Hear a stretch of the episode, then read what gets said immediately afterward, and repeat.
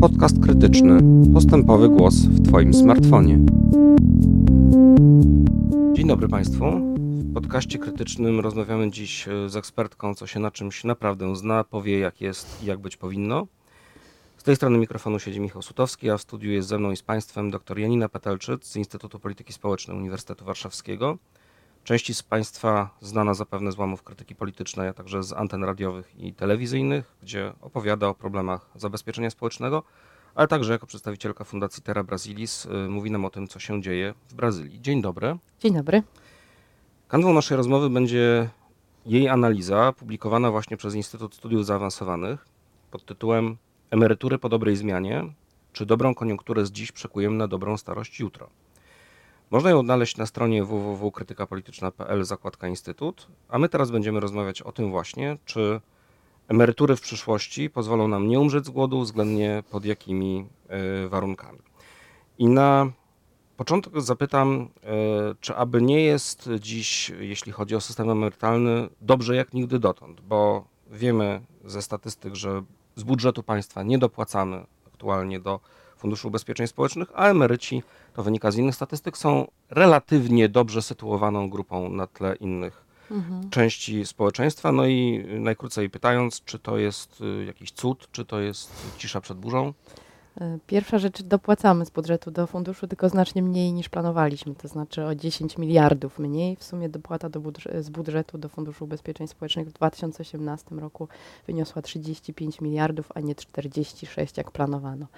Rzeczywiście sytuacja, kiedy spojrzymy na takie dane statystyczne, jest bardzo korzystna w tym kontekście, że emeryci są tą grupą, która re- relatywnie najmniej jest narażona, w mniejszym stopniu narażona na ubóstwo i wykluczenie niż inne grupy społeczne, ale myślę, że tutaj jest kilka aspektów, o których trzeba powiedzieć.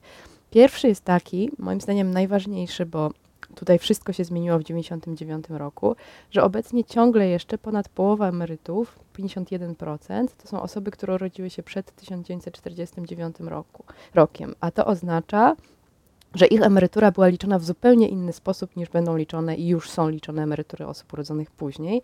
A najważniejszym aspektem tego jest to, że jest tam taka tak zwana kwota bazowa, czyli część socjalna, która znacznie poz pozwala na uzyskanie wyższej emerytury.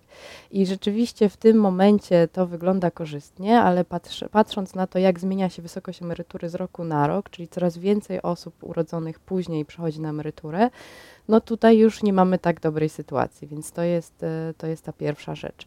E, druga rzecz, która jest moim zdaniem istotna w kontekście obecnej sytuacji w e, systemie emerytalnym, no to jest oczywiście to, że mamy dosyć dobrą sytuację na rynku pracy. To znaczy mamy dosyć niskie bezrobocie, co jak też podkreślam w tekście, nie jest typowo polską zasługą, ale akurat taka jest koniunktura e, w tym momencie. Natomiast dobrą zmianą jest to, i to nie jest dobra zmiana w kontekście obecnej nazwy dobra zmiana, tylko została wprowadzona już kilka lat wcześniej, że oskładkowanie wprowadzano też emerytur, y, umowy, na przykład umowy zlecenie, czyli e, wprowadzono dodatkowe źródła finansowania Funduszu Ubezpieczeń Społecznych, a także w przyszłości emerytury osób, które są uprawnione do tych emerytur. E, I to wszystko się na siebie nakłada. Jest jeszcze jeden aspekt, o którym często się mówi w mediach, to jest e, rosnąca liczba obcokrajowców na polskim rynku pracy, przede wszystkim oczywiście Ukraińców. I rzeczywiście, jeśli spojrzymy na dane, które przedstawia Zakład Ubezpieczeń Społecznych, to pod koniec 2018 roku na Polski, w polskim systemie ubezpieczeń społecznych ubezpieczonych było ponad pół miliona obcokrajowców, z czego 425 tysięcy osób to są osoby pochodzenia, e, z, przy, które przyjechały do nas z Ukrainy. Przy czym jak się spojrzy głębiej na te dane, to musimy być ostrożni, tak powiem. Po pierwsze, bardzo niska jest e, podstawa wymiaru składek, e, od której płacą składki, co oznacza, że zarabiają relatywnie niskie pensje. A po drugie, jeżeli spojrzymy na dane ZUS-u, to mamy 425 tysięcy osób ubezpieczonych, natomiast ubezpieczenie chorobowe, które jest dobrowolne, jeśli to jest umowa e, zlecenie, to już obejmuje tylko 263 tysiące osób, czyli pracują najprawdopodobniej na umowach śmieciowych, nie mają ubezpieczenia chorobowego, które jest jednak istotne i mają niską podstawę wymiaru, czyli tutaj też też są takie problemy. No i nie zapominajmy o tym, że to, że oni dzisiaj płacą, to oznacza, że w przyszłości Polska będzie musiała także tym osobom płacić emerytury. Także tutaj jest kilka aspektów nakładających się na siebie. teoretycznie wygląda to w tej chwili dosyć pozytywnie, ale nie, jeżeli nie zapanujemy nad tym, to może wy y, spod kontroli się um, uciec spod naszej kontroli. To ja dopytam jeszcze tutaj y, o taki wątek. Przez wiele lat y, w Polsce krążyło nad nami widmo bankructwa systemu emerytalnego. Y, teraz pytanie brzmi, czy to dalej jest problem, że ten system może się kiedyś nie zbilansować, mówiąc nieco potocznie, czy, czy raczej problem polega na czymś innym? Ja myślę, że to jest dobrze postawione pytanie, bo to bankructwo systemu ubezpieczeń społecznych jest nieustająco e, podkreślane, natomiast ja myślę, że większym problemem będzie bankructwo samych emerytów, mówiąc w taki ogólny sposób. To znaczy, system emerytalny zmienił się radykalnie w 1999 roku, kiedy weszła w życie nowa ustawa i nasze emerytury są całkowicie zależne od tego, ile wpłacimy pieniędzy w czasie naszej kariery. I to jest główny powód, dla którego alarmujące są raporty i krajowe, i międzynarodowe, mówiące o tym, jak bardzo niska będzie tak zwana stopa zastąpienia, co oznacza procent naszej ostatniej pensji, który będzie stanowił emeryturę. Czyli ktoś zarabia powiedzmy e, dla prosto, e, prostoty 1000 zł, to jeżeli stopa zastąpienia wynosi 30%, to będzie miał 30, 300 zł emerytury. Oczywiście zaniżyłam, ale łatwiej się operuje na takich liczbach. I problem moim zdaniem polega na tym, że w przyszłości będziemy mieli bardzo dużo emerytów, którzy nie wypracują sobie tak zwanego minimalnego minimalnej emerytury, jeśli oczywiście system się nie zmieni. Bo w tej chwili, żeby mieć minimalną emeryturę, musimy mieć 20 lat stażu lub 25 w przypadku kobiet. I to nie jest 20-25 lat pracy, tylko 20-25 lat pracy, która jest oskładkowana, czyli wszystkie umowy o dzieło, wcześniej umowy zlecenia, które nie były oskładkowane, bo to przecież się liczy, wszystkie przerwy w pracy, bezrobocie, opieka nad dziećmi, opieka nad osobami starszymi, które wymagają stałej obecności, sprawia, że wypadamy z tego rynku pracy, szczególnie kobiety. I przez to będziemy mieli w przyszłości niskie emerytury, czyli tak naprawdę to, o czym mówił kiedyś profesor Marek Góra, który jest jednym z autorów reformy emerytalnej. To jest z 99 roku. Dokładnie tak. No tak, bo już mieliśmy 10 dużych po drodze, a więcej znacznie zmian małych. Profesor Góra mówił, że w tej, e, w tej reformie chodziło tak naprawdę o to, żeby system się zbilansował. I moim zdaniem to się w jakiejś mierze uda. Natomiast problemem jest to, że będziemy mieli bardzo niskie emerytury i coś trzeba z tym zrobić. I nawet już dzisiaj patrząc na te dane, bo mówimy owszem, emeryci są mniej zagrożeni ubóstwem i wykluczeniem, ale jak spojrzymy już tak dokładnie na to, jakie dostają e, emerytury i jakie są emerytury kobiet i mężczyzn, bo na to też warto zwrócić uwagę, no to nie są kwoty, za które możemy rzeczywiście, jak to się mówi, godnie żyć, bo średnia emerytura w tej chwili kobiet wynosi około 1800, a 1700 nawet, a mężczyzn 2700. Mówimy o, kwotach to, mówimy o kwotach brutto. O kwotach brutto, ale e, zawsze też, e, też w krytyce politycznej zwracamy na to uwagę, że średnia nie mówi nam wiele o tym, jak wygląda system, więc spójrzmy na medianę, czyli połowa osób ma do tej kwoty, a połowa powyżej. No i mediana dla kobiet wynosi 1600, dla mężczyzn 2400, a dominanta, czyli najczęściej występująca emerytura to jest 1060 zł dla kobiet i 200 dla mężczyzn, czyli tak naprawdę mamy do czynienia z jeszcze nie tak dużym, ale jednak już trochę rozwarstwieniem w systemie emerytalnym i ogromną różnicą między poziomem emerytur kobiet i mężczyzn, co wszystko bierze się nie z samego systemu emerytalnego, chociaż częściowo tak, bo jest zdefiniowana składka, ale przede wszystkim z tego, jak wygląda sytuacja na rynku pracy. Okej, okay, czyli mamy do czynienia y, z jedno zagrożenie to y, wielu emerytów, którzy nie wypracują minimalnych emery y, nawet emerytury minimalnej. Drugie, y, drugi problem to y, wyraźne rozwarstwienie, które no z jednej strony wynika z wcześniej wysokości dochodów, ale ma też taki bardzo istotny wymiar płciowy. Tak? Znaczy, mm -hmm. kobiety są tutaj w, du w, dużo gorszej sytuacji. Teraz mm -hmm. ja chciałbym zapytać, jak się mają pewne konkretne reformy, które wprowadził rząd Prawa, czy większość parlamentarna rządu Prawa i Sprawiedliwości, po roku 2015, jak one mają się do tych trendów? To znaczy, czy one pomagają, szkodzą, a może tylko pogłębiają to, co było wcześniej? No i te trzy, o które chciałbym zapytać, no to przede wszystkim obniżenie wieku emerytalnego, czy powrót do mhm. dawnego wieku emerytalnego, 65-60, y, emerytura mama 4+, mhm. Y, oraz y, pracownicze programy kapitałowe. Okej. Okay. Pierwsze emerytury, pierwsza zmiana bardzo duża, czyli powrót do poprzedniego wieku emerytalnego 60-65.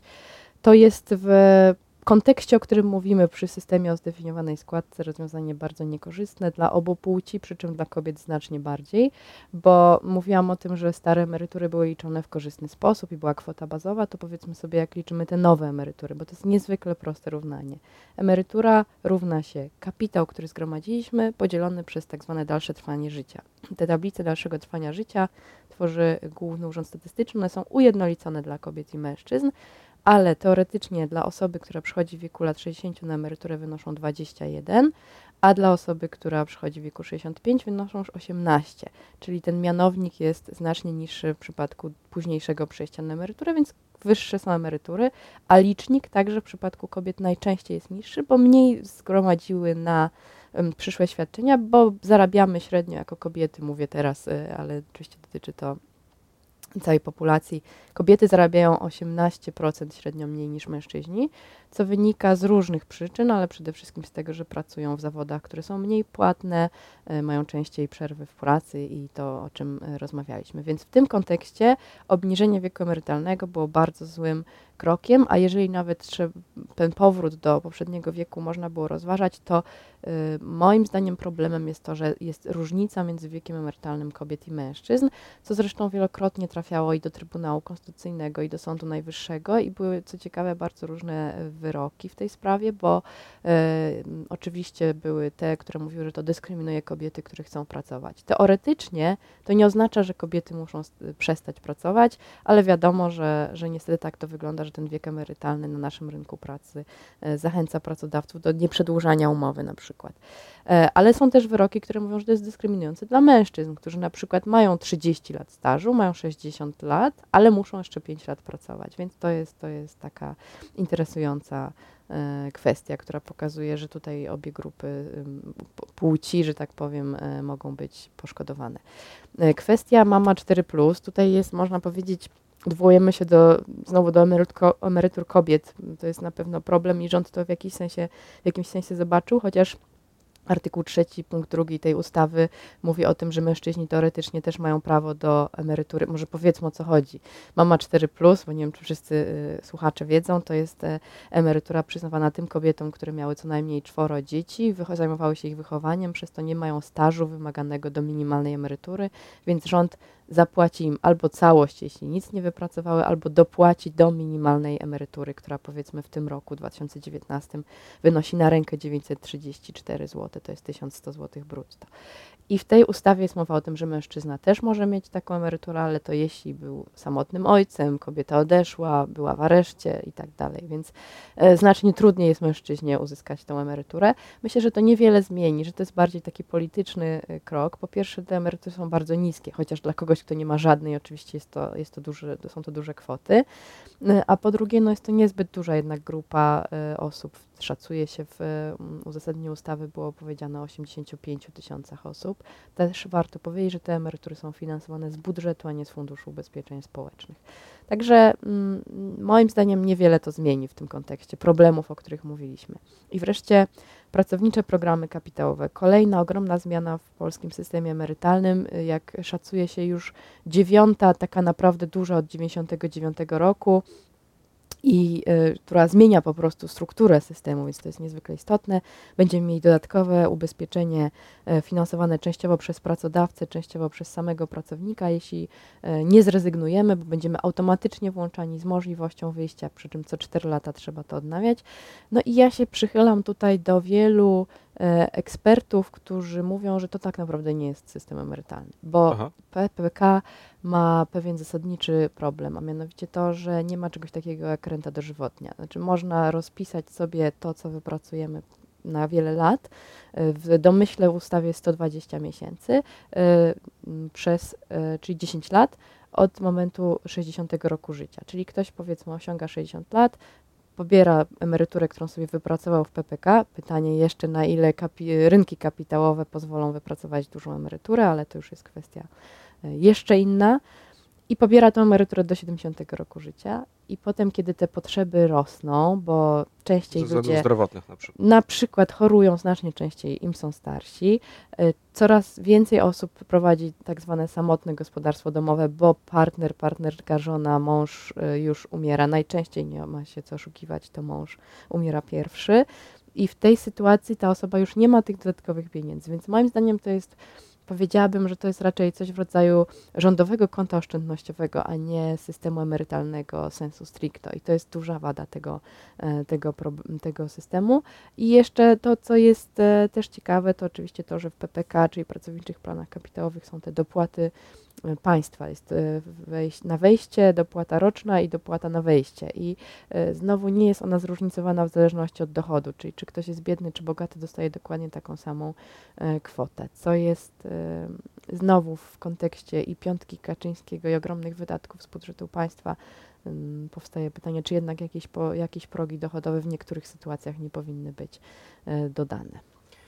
To ja jeszcze zapytam o y, rynek pracy i to, jak on się przekłada na emerytury, bo akurat zmiany na rynku pracy były tymi chyba, które obok może programu Rodzina 500, Mhm. jakoś najmocniej dotarły do świadomości publicznej. To znaczy Mhm. to przede wszystkim wprowadzenie minimalnej stawki godzinowej, y, podwyżka y, płacy minimalnej. To, były, to było to, co, co zresztą społeczeństwo przyjęło bardzo y, pozytywnie i co było przez wielu ludzi y, oczekiwane. Y, Ja chciałbym zapytać, jak to się przekłada, czy to się przekłada w istotnym stopniu y, na, na wysokość przyszłych emerytur Mhm. i czy są jakieś inne zmiany, które na przykład działałyby w przeciwną stronę? Mhm. E, Myślę, że najważniejsze, to jest właśnie najważniejsze pytanie, bo nasze emerytury tak naprawdę zależą od sytuacji na rynku pracy. Zmiany, był, o których mówiłeś, są chyba rzeczywiście najważniejsze. Przede wszystkim ta minimalna stawka godzinowa. Warto dodać, że to jest stawka niezależnie od tego, na jakiej jesteśmy umownie, umowie zatrudnieni, czyli to jest rzeczywiście rewolucyjna zmiana z dwóch powodów i że w ogóle jest godzinowa stawka minimalna i że na umowie zlecenie na przykład, czy innej e, także ona obowiązuje. To jest na pewno bardzo pozytywne. Warto też dodać, ja mówiłam o tym, że oskładkowano umowę zlecenie, jeszcze przed pisem zresztą to się działo i przed pisem też wprowadzono rozwiązanie, które sprawia, że jeżeli ktoś ma umowę zlecenie na kwotę niższą niż minimalne wynagrodzenie plus dodatkową inną umowę, to musi zapłacić od obydwu umów składki, a nie tylko od na przykład minimalnej kwoty, bo to też bardzo zmienia pozytywnie wpływy do Funduszu Ubezpieczeń Społecznych i moim zdaniem sytuację samych ubezpieczonych, choć nie zawsze oni są tego, e, co do tego przekonani. Bo E, muszą dzisiaj bo zapłacić muszą więcej. dzisiaj zapłacić wyższą składkę, oczywiście. E, więc tak, minimalna stawka godzinowa, ciągle wzrasta minimalne wynagrodzenie, co też nie jest typowe dla tylko tak zwanej dobrej zmiany, bo było, rosło to wynagrodzenie za poprzednich rządów także. Myślę, że ważne, istotne w kontekście rynku pracy są uprawnienia Państwowej Inspekcji Pracy, a przede wszystkim to, że nie muszą już zapowiadać kontroli, chociaż e, praktyka pokazuje, że tak naprawdę niewiele to zmieniło z tego punktu, z tego powodu, że e, Inspekcja Pracy jest drastycznie niedofinansowana. E, Kontrolerzy Państwowej Inspekcji Pracy mają znacznie niższe na przykład wynagrodzenia niż innych instytucji kontrolnych państwa typu NIK. E, Mają bardzo dużo firm, które im podlegają. Jedna osoba nie jest w stanie sprawdzić tak wielu firm i przedsiębiorstw. E, Jeszcze zresztą w budżecie ucięto kwoty na Państwową Inspekcję Pracy, więc to nie, nie rokuje dobrze, mimo że rosną ich zadania, bo na przykład muszą właśnie sprawdzać, czy, czy kolejna zmiana w kodeksie pracy, czy e, pracownik dostał umowę zanim zaczął pracować, bo to też się, też się zmieniło. To są takie pozytywne rzeczy, a do negatywnych zaliczyłabym, chociaż jest to wątpliwe, ja też nie znam się wystarczająco dobrze na rolnictwie, ale punktu widzenia ubezpieczeń społecznych powiem, że umowa o pomoc przy zbiorach, która praktycznie pozbawiona jest jakichkolwiek praw pracowniczych i zabezpieczenia społecznego jest, czyli nie ma ani minimalnej pensji, ani żadnych składek i tak dalej, jest e, krokiem wstecz i na pewno też e, kryje bardzo wielu, nawet też e, pracowników migrantów, ale nie tylko, którzy, ja podałam te liczby z ZUS-u, to są ci, którzy są zarejestrowani, ale jeszcze są ci, którzy pracują na czarno, albo ci, którzy pracują na umowie o pomoc przy zbiorach i ci w ogóle nie istnieją dla systemu. E, Nie do końca poradzono sobie cały czas z umowami śmieciowymi, to znaczy oczywiście to składkowanie to jedno, ale cały czas mamy ich za dużo i zbyt często występują tam, gdzie spełnione są warunki kodeksowe i powinna być umowa o pracę. Moim zdaniem bardzo dużym problemem jest to, o czym też często pisze Adriana Rozwadowska w Gazecie Wyborczej, co bardzo mnie cieszy, bo coraz więcej się o tym mówi, czyli to samozatrudnienie i to, jakie mamy ulgi dla osób, które są samozatrudnione, bo to są po pierwsze, y, też bardzo ciekawy wątek jest taki, że co możemy nazwać ulgą. Ulga jest wtedy, kiedy państwo płaci na przykład składkę za kogoś, a tutaj mamy ulgi polegające na tym, że samozatrudnieni płacą bardzo niskie składki, ale nikt nie dopłaca tej części, której oni nie płacą. Mówiąc, będą potem mieli bardzo niskie emerytury, albo, ich nie, albo nie wypracują Przez minimalnie. pierwsze pół roku w ogóle nie płacą, a później płacą od 30% minimalnej pensji. To jest naprawdę bardzo niska kwota. Nie mówiąc o tym, że w ogóle po dwóch i pół roku, bo teraz ta zmiana wydłuża o pół roku, po dwóch i pół roku mogą płacić od 60% pensji przeciętnej krajowej, co jest moim zdaniem niewłaściwe, bo często, nie zawsze, ale często te firmy mają znacznie wyższe dochody. I dlaczego nie płacą wyższych składek, skoro mają? Bardzo według danych ZUS to naprawdę jakaś jednocyfrowa liczba, procent y, jednocyfrowy płaci składki rzeczywiście wyższe niż musi tych firm, które istnieją na polskim rynku. E, I to jest ogromny problem, bo w przyszłości te osoby nie będą miały minimalnej emerytury wypracowanej, czyli, ale prawdopodobnie będą mieli staż, co oznacza, że do ich emerytur minimalnych będziemy się wszyscy do, dokładać. Ja tutaj nie widzę problemu solidarności między różnymi grupami, bo to jest absolutnie w porządku.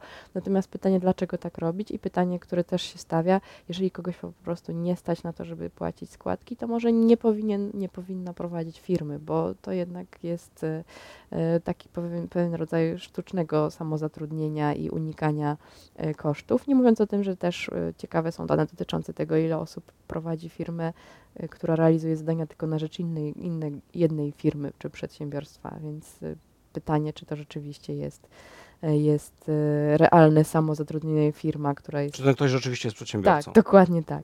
No i ostatnia rzecz, o której jeszcze warto powiedzieć, to jest Fundusz Pracy, bo mamy dobrą sytuację na rynku pracy. Fundusz Pracy ma dobre wyniki i zamiast na przykład zreformować system świadczeń dla bezrobotnych, Polska nie spełnia w ogóle wymogów międzynarodowych. Mamy bardzo niskie świadczenia dla bezrobotnych i bardzo niski odsetek osób uprawnionych do tych świadczeń. To my zamiast to zrobić, zmienić, zreformować, finansujemy z Funduszu Pracy wszystkie inne rzeczy, łącznie z tym, co ostatnio zostało przegłosowane, czyli tak zwana 13 emerytura, także będzie sfinansowana z Funduszu Pracy. I tu jest taki, powiedziałabym, rodzaj zaniechania, którego, którego, z którym nic nie zrobiono. To spróbujmy odpowiedzieć na pytanie, y, co dałoby się z tym fantem zrobić. To znaczy, y, z tego co słyszę i z tego co rozumiem i co wyczytałem y, w Twoim tekście, perspektywy wysokości emerytur dla bardzo y, wielkich, bardzo szerokich grup y, przyszłych emerytów są nieciekawe. No i chciałbym zapytać, gdzie są możliwe y, rozwiązania, to znaczy w jakich punktach należałoby zmienić sytuację, która jest obecnie Mhm. y, i czy, czy widzisz taką, taką perspektywę na najbliższe lata? E, No, nie mamy wyboru, tak bym powiedziała, bo będziemy mieli do czynienia z tak zwaną srebrną rewolucją, jeśli nic nie zrobimy. Tylko problem polega na tym, że Co to system- znaczy srebrna rewolucja? z tym, że będziemy mieli rzesze biednych ludzi starszych, srebrnych od koloru włosów tutaj, którzy będą się buntować, to też jest elektorat. Problem polega na tym, że system emerytalny i jego problemy pojawią się tak naprawdę za kilkadziesiąt lat, tak na poważnie, na kilkanaście do kilkudziesięciu. I nikt w tej chwili nie musi się tym przejmować, bo wybory mamy w tym roku, kolejne za cztery, więc to nie jest aż taki duży problem dla rządzących. I moim zdaniem ten brak perspektywicznego patrzenia jest pierwszym i głównym problemem. Drugim jest oczywiście to, że mamy za dużo zmian w systemie emerytalnym, co sprawia, że totalnie nie ufamy temu systemowi. Kiedy się pyta ludzi, czy wierzą w e, to, że będą mieli emeryturę, to im młodsza grupa wiekowa, tym mniejszy jest odsetek ludzi, którzy w to wierzą. Co można dosyć, mm, powiedziałabym, e, łatwo powiedzieć, jak się ma 18 lat i nie myśli o tym, ale im jesteśmy starsi, tym jednak e, problem rośnie. Moim zdaniem najważniejsze, co powinniśmy robić, to wcale nie jest reforma systemu emerytalnego, tylko reforma czy jakieś zmiany na rynku pracy. Jeszcze nie powiedziałam o czymś bardzo istotnym. Mamy bardzo niską aktywność zawodową w Polsce, a także szczególnie niską aktywność zawodową kobiet. Właściwie 40% kobiet tylko pracuje tak naprawdę. I to jest gigantyczny problem, z którym powinniśmy jakoś sobie radzić, aktywizować zawodowo i kobiety, i mężczyzn oczywiście, bo, bo jeżeli nie jesteśmy aktywni, nie płacimy składek, to w przyszłości nasz system tak będzie wyglądał. To może po- dopowiedzmy jedną rzecz, bo y, mamy y, koniunkturę gospodarczą Mhm. oraz taką sytuację demograficzną, z której wynika, że Stopa bezrobocia jest to najniższa w historii po, Mhm. po 89 roku, więc wydawałoby się znalezienie pracy teorii na poziomie makro Mhm. nie powinno być problemem. Czy w takim razie należy to zrzucić, nie wiem, na czynniki kulturowe, y, czy, czy jakie są powody? Jakie są powody, które można by zmienić? Czy jakie uwarunkowania, które można by zmienić politycznie? Myślę, że oba, to znaczy i czynniki kulturowe i polityczne, bo y, to, teraz mamy do czynienia z czymś, co się powoli zmienia, co się nazywa rynkiem pracownika, czyli że teraz nie jest problemem znalezienie pracy.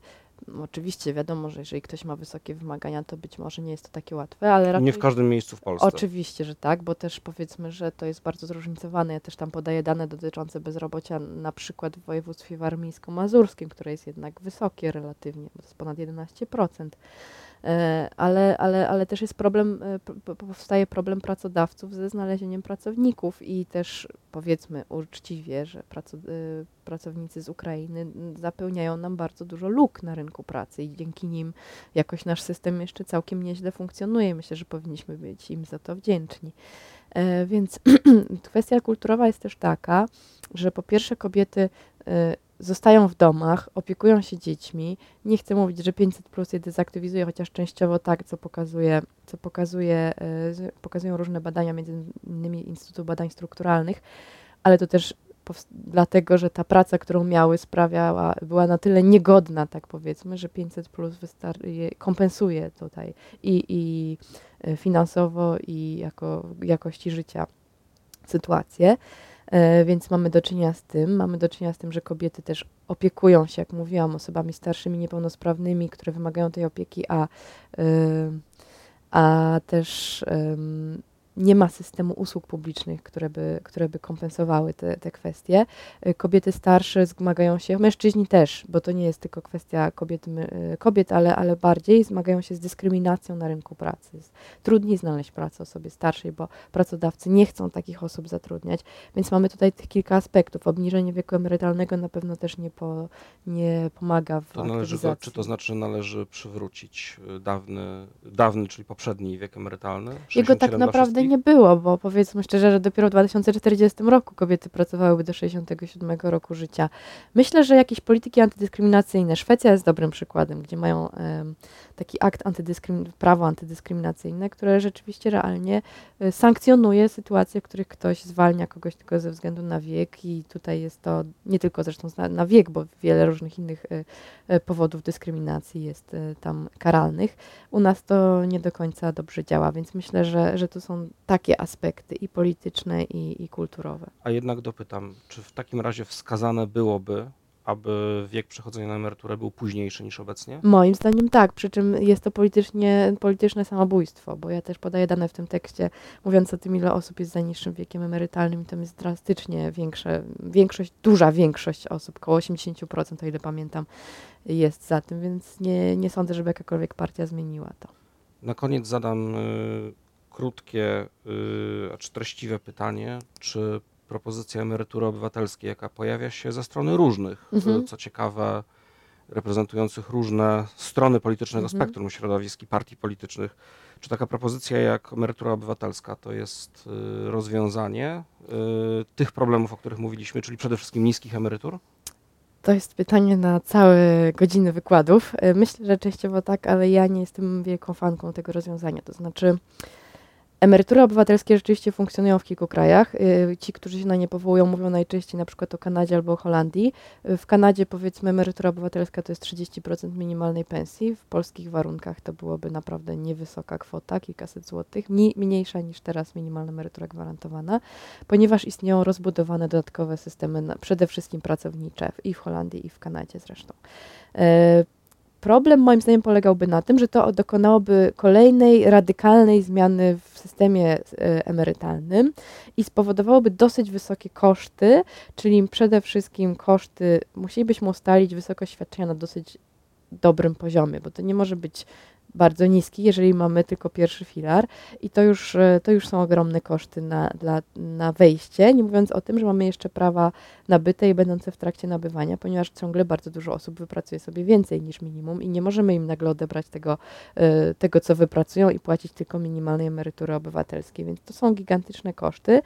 I jeszcze jeden problem się z tego rodzi, a mianowicie problem do rosnącego rozwarstwienia emerytalnego, ponieważ zazwyczaj, kiedy mamy minimalną emeryturę, to zachęcamy do dodatkowego ubezpieczenia siebie już na własną rękę, czy w pracowniczych planach, czy w indywidualnych i dochodzi do tak zwanego efektu świętego Mateusza, czyli ci, którzy są zamożni i bogaci mają dodatkowe ubezpieczenia, a ci, którzy nie mają tylko tą minimalną emeryturę obywatelską.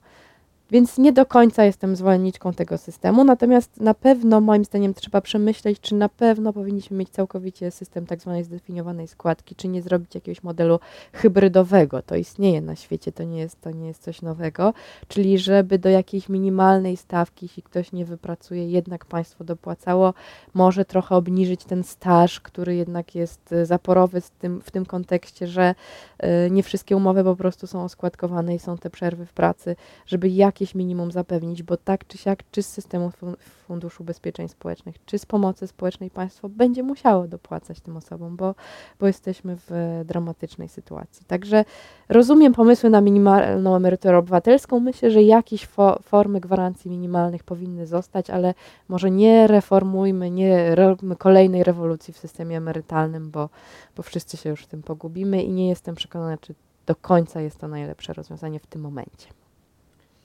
Drodzy słuchacze, to była pierwsza rozmowa z cyklu podcastów, które ja nieoficjalnie nazywam Historyczna. Ci, co się znają, mówią jak jest. Była z nami dr Janina Petelczyc, ekspertka do spraw zabezpieczenia społecznego, a po godzinach także Brazylii, Juliana Tuwima, Starej Warszawy Jana Sebastiana Bacha. Ostatnia współautorka książki Obywatel na Zielonej Wyspie.